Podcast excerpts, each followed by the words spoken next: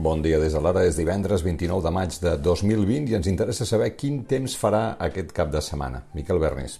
Aquesta tarda les tempestes s'escamparan per la Catalunya central i per comarques interiors de Girona i de Barcelona, però en general el cap de setmana serà de sol i només amb xàfecs de tarda al Pirineu. Avui farà més calor, però demà baixarà el termòmetre. Avui el Consell de Ministres aprovarà la tan anunciada renda mínima vital. Anirà entre els 462 i els 1.015 euros, depenent del nombre de persones a les cases i dels ingressos que hagin tingut durant tot l'any 2019. La foto de portada de l'ara, ja us la podeu imaginar, és per la protesta a les portes de la fàbrica de Nissan a la zona franca, pocs minuts després que la direcció de l'empresa anunciés des del Japó el tancament de les tres plantes que té a Catalunya. Y el plan está claro, es pelear para que no cierren. El anuncio para nosotros no es definitivo, es un anuncio que ha hecho la Dirección Europea de Nissan, que entendemos que están engañando a Japón y que nosotros vamos a trabajar para hacerles ver que se están equivocando. Esto no es un conflicto laboral al uso, donde se pierde, cierra una fábrica y perdimos los puestos de trabajo directo. Aquí hay 25.000 familias afectadas de forma indirecta y esto es un mazazo para la economía y para la industria a nivel de Barcelona y de Cataluña. Nissan són 3.300 llocs de treball directes i bastants milers més d'indirectes. La destrossa econòmica, doncs, és notable. Era la tretzena empresa per facturació. Facturava més que Mango o que Vueling.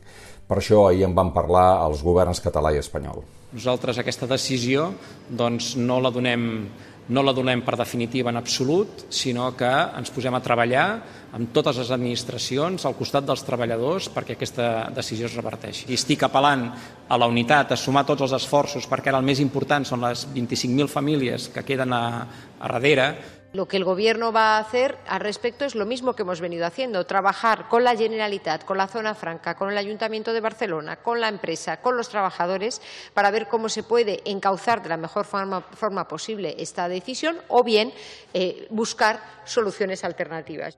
La data límit que ha donat l'empresa per tancar és el 20 de desembre. L'empresa es dona aquest termini per negociar el tancament amb administracions i sindicats. Segons el govern espanyol, aquest tancament costarà uns 1.000 milions d'euros a la multinacional Nissan. Tot Espanya estarà dilluns en fase 2, un 70% de la població, excepte les regions sanitàries de Barcelona i Lleida i les comunitats autònomes de Madrid i Castella i Lleó. Girona, la Catalunya Central, el Garraf i l'Alt Penedès passaran dilluns a la fase 2 i Lleida es mantindrà a la 1 com Barcelona. I per cert, el ministre Illa, a propòsit de la decisió de mantenir Lleida en fase 1, va elogiar la prudència de la consellera Vergés. L'actitud de prudència de la consellera Alba Vergés, pues, eh, la verdad es que me deja muy tranquilo.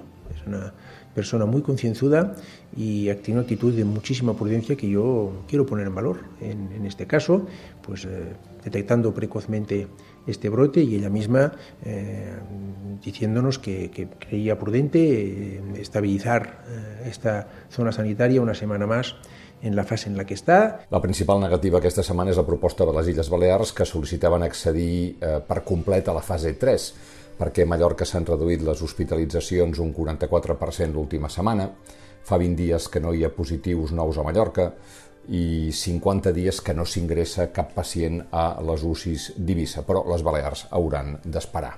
Mentrestant, a Catalunya la xifra de morts va créixer en 26 persones, però només 3 són de les últimes 24 hores. A Espanya Sanitat va notificar ahir 38 defuncions dels últims 7 dies, però només una en les últimes 24 hores, i la dada més tristament rodona pel món és la dels Estats Units, que, com ja hem explicat, han arribat als 100.000 morts, però allà la mortalitat és la meitat que la d'Espanya en relació a la població. De fet, la Cristina Mas ho ha comptat, aquí teniu la gràfica, per xifra absoluta de morts on la pandèmia s'ha endut la vida de més ciutadans des d'Estats Units, Regne Unit i Itàlia per aquest ordre. Però si ho contem en relació a la població, el coronavirus ha fet una gran mortaldat a Bèlgica, Espanya, Regne Unit i Itàlia. Interessant aquesta pàgina, alguns pediatres qüestionen que els nens siguin grans transmissors del Covid-19. Es basen en el comportament de la pandèmia i recomanen que tornin a l'escola sense por. El que sí que és molt important és que els pares no portin la canalla a l'escola si estan malalts, cosa que d'altra banda no és només per la pandèmia, i eh, les coses que ja se sabien i que no es feien s'hauran de fer.